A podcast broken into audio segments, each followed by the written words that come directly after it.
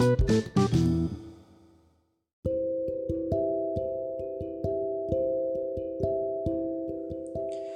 selamat malam bocah insom. Kembali lagi sama gue Bene di kuliah malam.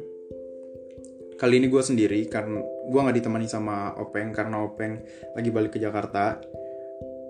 Disuruh sama bokap nyokap dia untuk Apa namanya Self karantin di sana aja Karena emang lebih aman mungkin ya Kalau dibawa pantauan atau jangkauan orang tua. Jadi kalau misalnya ada apa-apa Bisa langsung dihandle sama orang tua.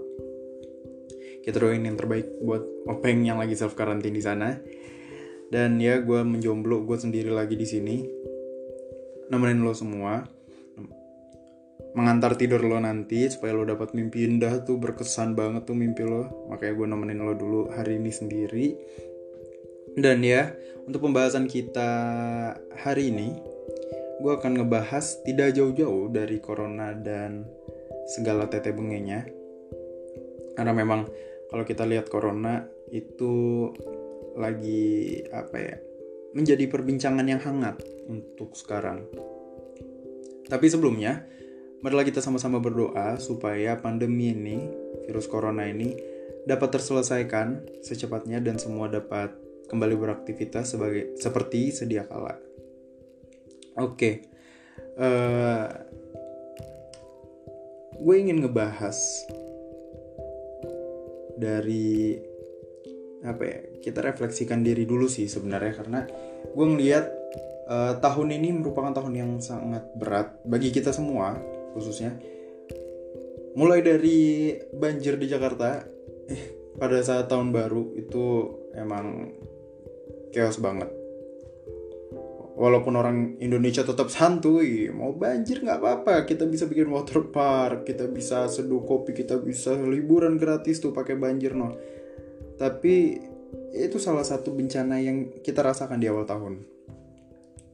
Dan kita lihat juga kemarin sempat ada gencatan senjata ya. Gencatan senjata antara uh, Iran dan Amerika Serikat yang hampir menimbulkan perang dunia ketiga katanya katanya kata website ya kata website hampir menimbulkan perang dunia ketiga dan dilanjutkan lagi dengan virus corona. Ya berat. Setiap bulan terasa lama. Kalau gue ngerasa lama gue nggak tahu bocah insom apakah ngerasa lama menjalani tiga bulan pertama di tahun 2020 ini. Tapi kalau bagi gue jujur ini tahun awal tahun yang berat bagi gue karena gue nggak ngerasa ini cepat sama sekali. Gue ngerasa setiap bulan itu terasa lama. Selalu ada kejadian-kejadian yang memang apa ya ngebuat beban lah bagi gue sendiri pribadi ya uh, tadi gue sempat baca-baca berita tentang corona. Gue riset riset yang nggak riset juga sih ya kalau mau dibilang gue pinter banget kalau riset. Nggak gue nggak riset. Gue cuman baca-baca doang. Kayak di twitter gue nge-scroll. Karena kebetulan gue gabut juga hari ini. Gue ada tugas sih sebenarnya. Belum gue belum gue kerjain untuk dikumpul besok tapi nggak apa-apa. Santai. Ya. Uh, gue ngeliat kasus corona yang telah terdaftar yang telah valid itu ada 1600-an kalau nggak salah dengan uh, total yang meninggal itu 150-an dan total yang sembuh adalah 103. Di mana kita salah satu negara yang memang di ASEAN ya paling tinggi uh, apa namanya orang-orang yang terinfect terpengaruh ter apa ya terkena terpapar virus corona. Yang kedua, angka kematian lebih tinggi daripada angka yang sembuh. Gue nggak tahu sebenarnya apakah lebih tinggi ini emang karena semuanya corona. Karena nanti ada beberapa hal yang gue bahas di belakang yang uh, membuat gue juga mikir nggak nggak semuanya mungkin corona mungkin kayak gitu. Nah, jadi ada beberapa pandangan sih di pikiran gue juga terkait virus corona. Yang gue rasa mungkin mungkin sebenarnya yang terkena virus corona di Indonesia banyak. Itu ya ini opini-opini gue aja sih goblokan doang ngantar tidur lo kan nah yang kena virus corona ini banyak di Indonesia. Tapi mungkin yang sembuh itu banyak. Karena kalau di Indonesia itu kalau kita lihat virus corona itu kan indikasinya indikatornya mirip-mirip dengan flu. Dan ya diselesaikan dengan cara Indonesia. Cara santuinya orang Indonesia gimana tuh kerok no kerok ntar udah tuh uh, sendawa-sendawa dikit berasa sembuh aja gitu. Nah itu tuh yang gue rasa mungkin sebenarnya banyak yang udah kena dan sembuh. Cuma kenapa ini jadi momok? Ya kita nggak usah apalah nggak usah pikir jauh-jauh lah orang Indonesia juga negara ter negara keempat dengan penduduk terbanyak di dunia. Dan wajar menurut gue saat yang terkena banyak karena memang uh, kehidupan sosial di Indonesia pun ya cukup tinggi dalam artian satu sama lain tuh ya emang kalau bisa min, minim space. Ngerti gak sih lo? Kayak ya udah deket aja satu sama lain dan itu mungkin salah satu yang ngebuat uh, virus corona ini cepat menyebar di Indonesia. Tapi case yang terdaftar ya tadi 1600an dengan yang uh, meninggal sekian yang sembuh dari corona ini ya sekian. Jadi gue pengen cerita juga gue ada teman gue ada teman uh, gue nggak tahu sebenarnya SOP SOP dari rumah sakit bagaimana untuk menentukan seseorang corona? Apakah saat dia flu dan batuk langsung bisa disuspek? Gitu ya. Jadi gue punya teman emang ya bilang sebutlah nama dia A. Sebutlah nama dia A. Dia ini uh, kerja di Jakarta. Dia kerja di Jakarta dengan satu influencer youtuber dan yang mana youtuber ini baru pulang dari Jepang sampai di Jakarta dia langsung sakit. Dan teman gue juga sakit tuh pada saat itu. Langsung kayak demam dan segala macam segala macam. Langsunglah dia bawa ke rumah sakit untuk dicek. Virusnya bukan virus ya gue ngomongnya kayak uh, gejalanya mirip dengan corona.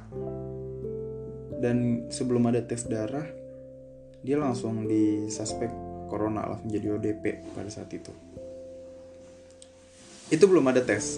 Belum ada tes yang membuktikan kalau misalnya dia terkena virus corona. Tapi langsung dijadikan ODP apakah itu SOP mungkin. Mungkin. Dan ya dia dikumpulkan dengan orang-orang yang ODP juga kalau nggak salah di rumah sakit tersebut dan saat dicek dibilang ada pneumonia dan pada akhirnya dikeluarkan apa ya diagnosa kalau misalnya dia itu tidak terkena corona.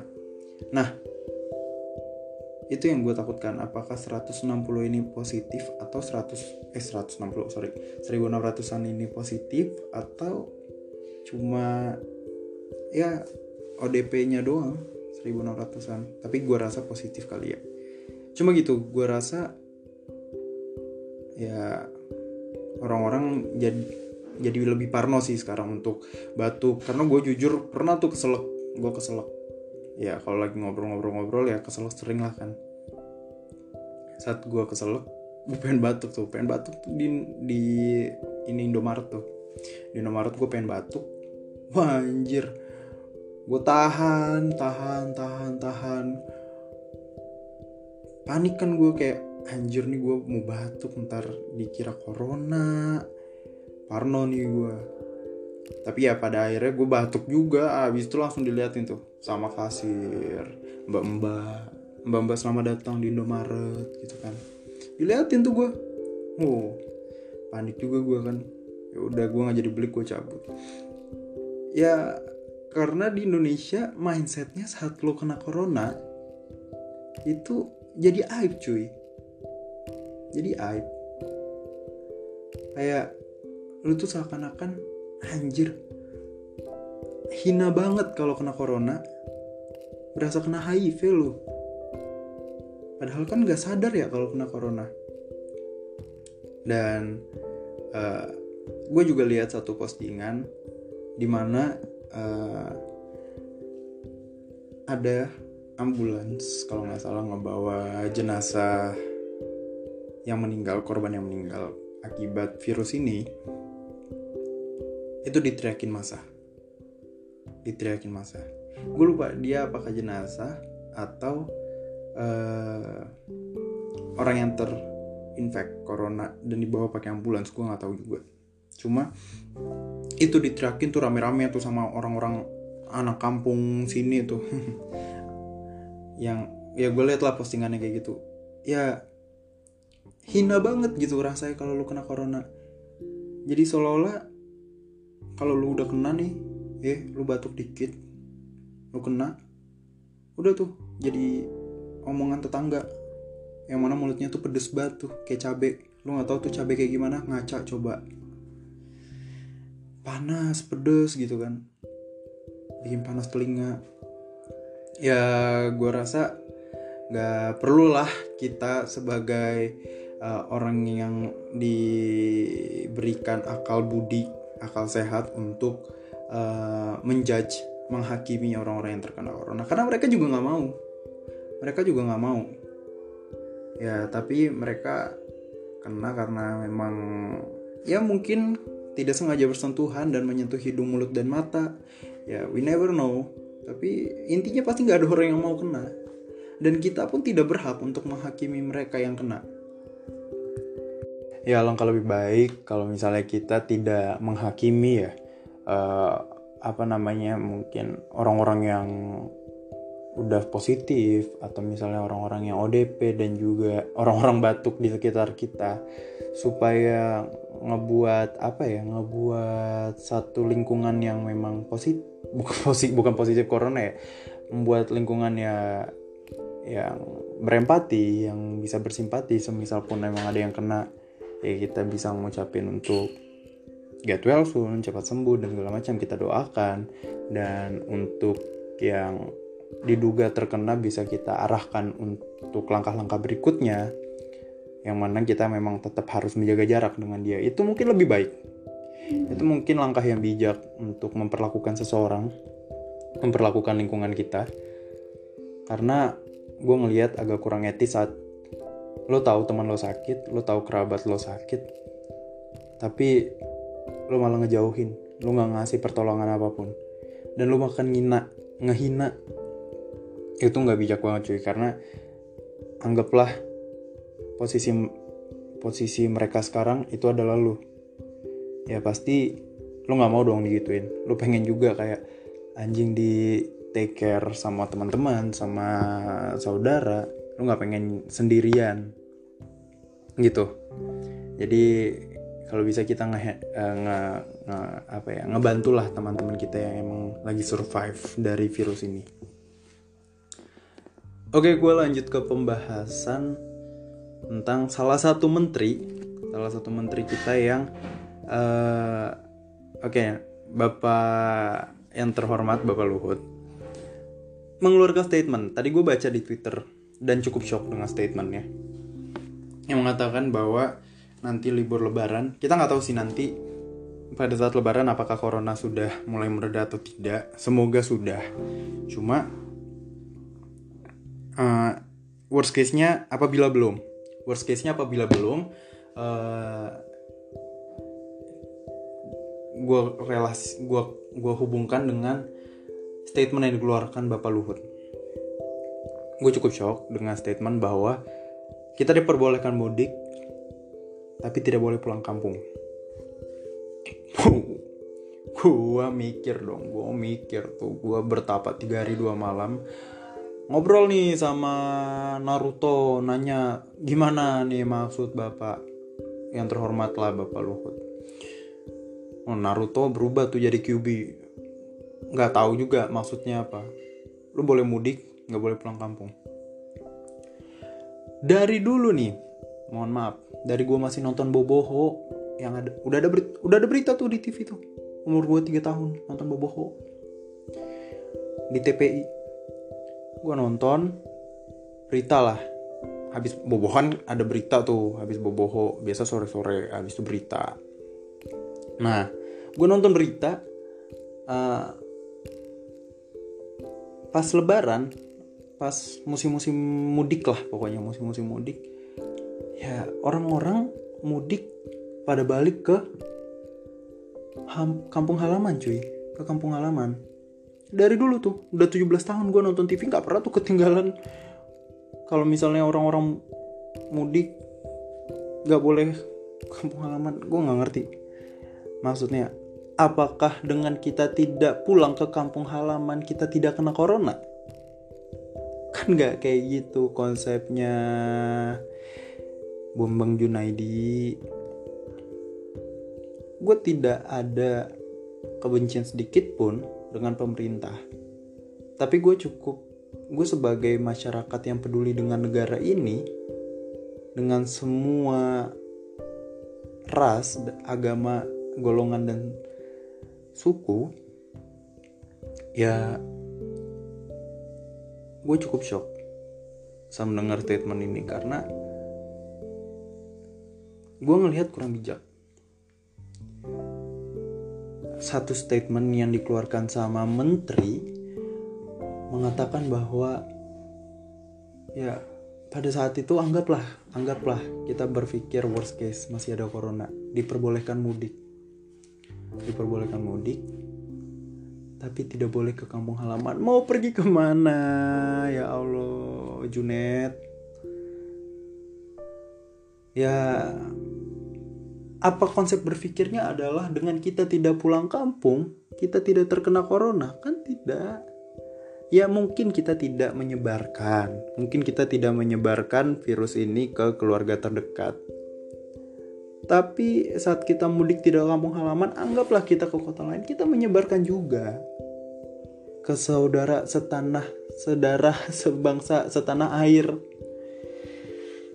Tetap aja menyebarkan dan gue juga baca gue nggak tahu hoax atau enggak karena sumber yang gue baca adalah detik news bahwasannya uh, nanti kalau misal ini ini ralat kalau nggak salah ya ralat dari statement atau gimana jadi setelah uh, apabila tidak tidak apa ya tidak kunjung selesai coronanya mudik di, di, di mudiknya di gabung di rapel dengan mudik akhir tahun. Hmm.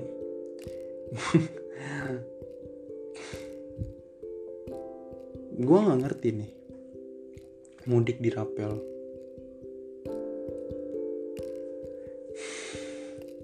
Ini gue menghela nafas nih emang karena berat nih.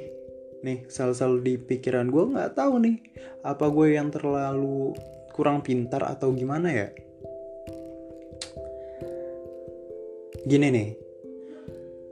Mudiknya kan ya sebagai apa ya? Sebagai perayaan lah. Perayaan untuk selesainya puasa. Apabila itu ya memang mudik tidak wajib dilaksana dilakukan sama semua orang nggak wajib lah.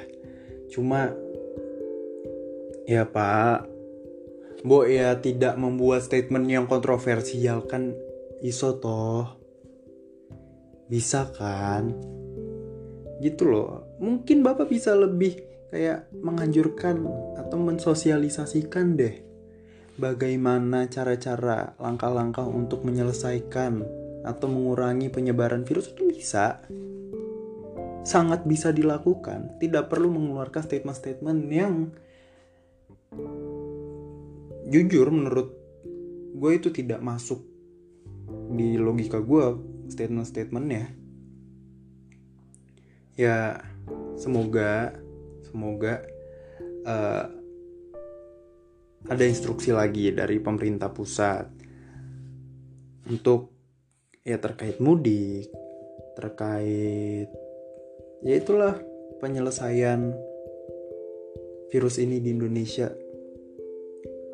Dan juga uh, kita lanjut ke pembahasan berikutnya. Gue ngelihat uh, Departemen Matematika kalau salah dari UI Ikatan Alumninya mengatakan bahwa kemungkinan virus ini di Indonesia minimal minimal terselesaikan itu bulan Agustus. Gue senang ngedengarnya, semoga bisa terjadi kalau bisa lebih cepat, kalau bisa di bulan Mei sudah bisa menekan lah karena tadi gue juga baca-baca berita di tiga hari belakangan ya pelaporan kasus corona udah mulai menurun gue nggak tahu apakah karena orang-orang takut untuk melaporkan dirinya ke rumah sakit karena takut dicap buruk sama lingkungan? Atau bagaimana gue nggak tahu cuma ya semoga bisa terselesaikan dengan cepat dan mungkin tiga hari ini sebagai contoh bahwasannya Indonesia bisa menekan angka penyebaran.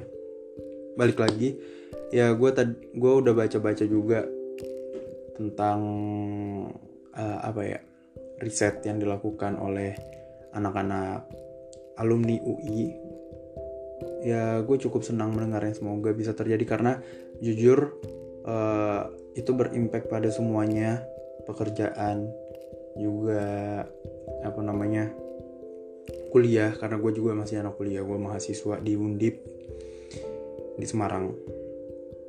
Ya cukup berat menurut gue untuk melaksanakan kuliah online karena mau gimana pun mau kita kuliah online bisa sambil nyebat kita kuliah online bisa sambil ngobrol dan segala macam. Kita kuliah online bisa sambil nonton film di uh, laptop Netflix dan segala macam. Tapi tetap uh, tidak seenak itu tidak seenak itu dalam artian uh, saat kita ada pertemuan di kelas menurut gue justru lebih enak.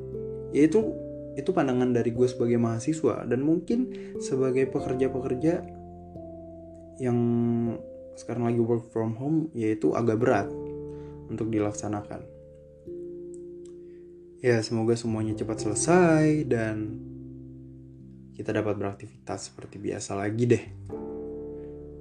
Karena cukup berat untuk ini dilaksanakan sih menurut gue dan pembahasan selanjutnya apa ya? Pembahasan selanjutnya gue pengen ngobrolin tentang beberapa influencer. Beberapa influencer yang menggunakan antiseptik yang disediakan di mall-mall sebagai mainan, sebagai konten. Lo pikir lo hebat, lo pikir lo, oh jago banget nih, gue udah terkenal, gue bisa nih bikin konten, atau itu cara lo buat pansos. Gue nggak masalah, saat dia melakukan itu dan ditegur, dia minta maaf, gue nggak masalah sama sekali tapi, tapi, tapi si Bambang Junaidi ini ya Tuhan malah apa ya memben bukan membenarkan diri. Ya ya kurang lebih seperti itulah kayak gitu. Kayak memberikan pembenaran terhadap diri sendiri bahwasannya yang dia lakukan tuh nggak salah. Eh pecel lele. Lu ngelakuin hal kayak gitu nggak ada keren-kerennya. Itu hand sanitizer ditaruh di mall ya memang untuk dipakai sama banyak orang.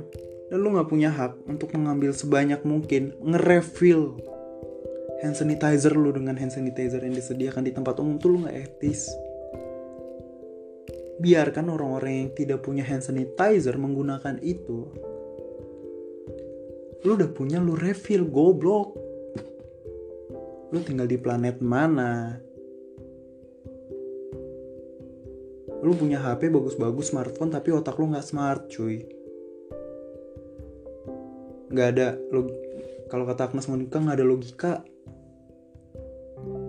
Lu nggak pakai tuh nalar lo anjir jadi marah beneran gue karena gue cukup kesal karena ngelihat Indonesia ini banyak banget orang. Satu satu daerahnya banyak banget orangnya. Bahkan satu gedung mall bisa dipenuhi orang.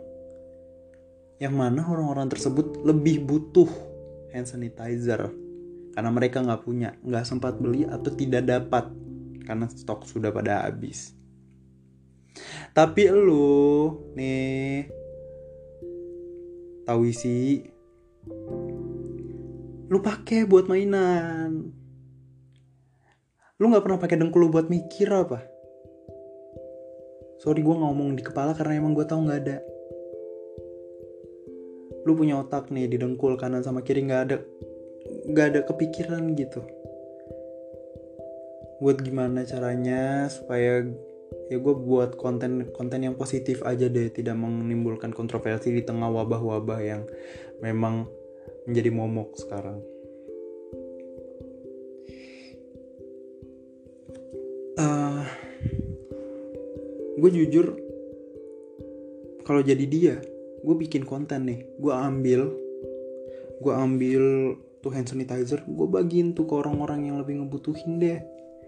Itu bisa jadi konten yang positif saat lo ngelakuin itu tapi harus izin dulu ya goblok. Ya yeah, gue kasih tau nih sekali lagi lo gak ada keren-kerennya tuh bikin kayak gitu? Saat aduh lu buat klarifikasi nih. Setelah semua orang udah yang ngehina lu ngemaki lo di di Instagram. Tapi dalam klarifikasi lu lu membenarkan diri lu kan bangsat gitu. Gue nggak habis pikir nih otak gue nih yang ada di kepala nggak didengkul kayak lu nyandak gitu mikir maksud ini ya Allah.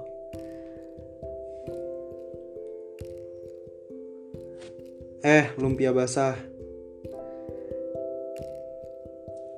Aduh lu kalau minta maaf minta maaf aja nggak usah. Lu bikin bikin tuh sampai ABCD benarin diri lu.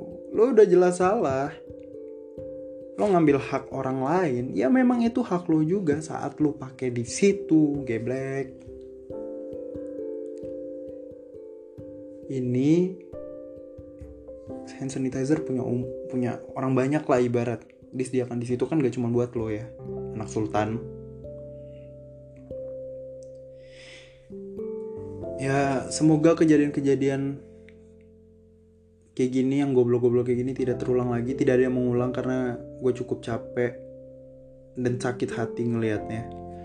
Gue lebih suka mungkin terlihat ria ngelihat orang-orang yang memberikan apa namanya bantuan kepada orang lain dengan dijadiin konten di video-videoin. Mungkin itu salah satunya bisa jadi ria bisa jadi memberikan pandangan buat orang untuk kui yuk bareng-bareng kita ngebantu orang-orang yang tidak dapat apa ya, tidak memiliki ADP untuk ya setidaknya mereka punya beberapa perlengkapan yang bisa melindungi diri dia kan.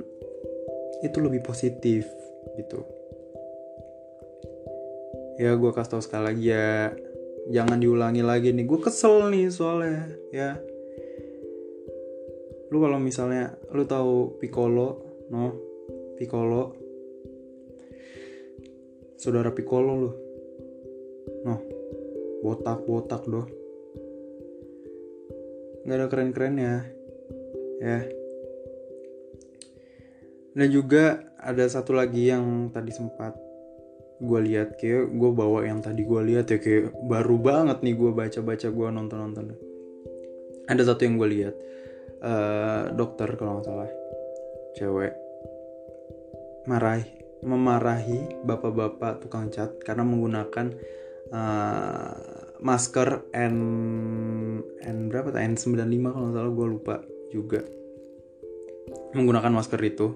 Masker yang man yang mana maskernya digunakan uh, di rumah sakit oleh semua ahli medis semua tenaga medis untuk melindungi diri bapak ini udah menjelaskan bahwa dia ngebeli masker ini sebelum adanya corona.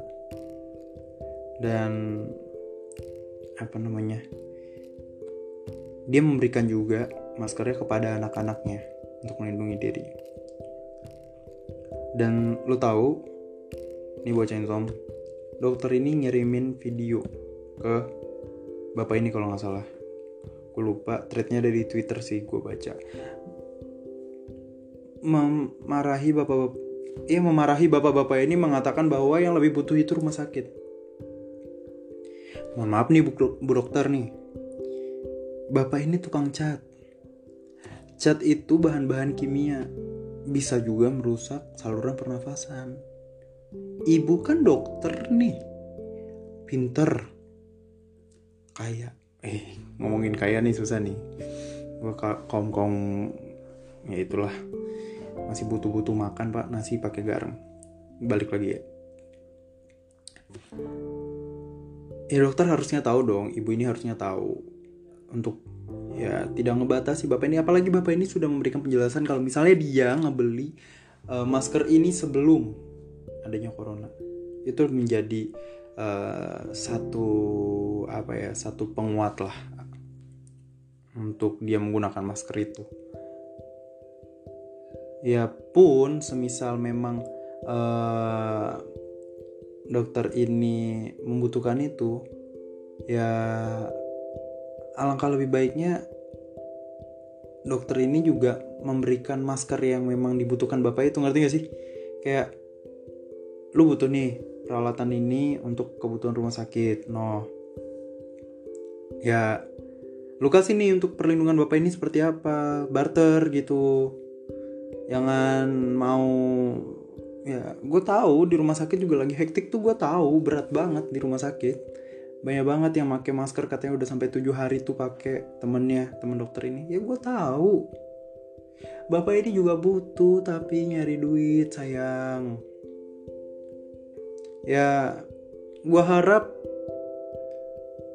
semoga kita bisa saling memahami deh satu sama lain karena gue lihat semakin banyak di karantina diri kita ini semakin kurang juga tuh ke jiwa empati kita tuh. Ya kayak ya bo saling memahami lah satu sama lain gitu. Kan gak susah toh.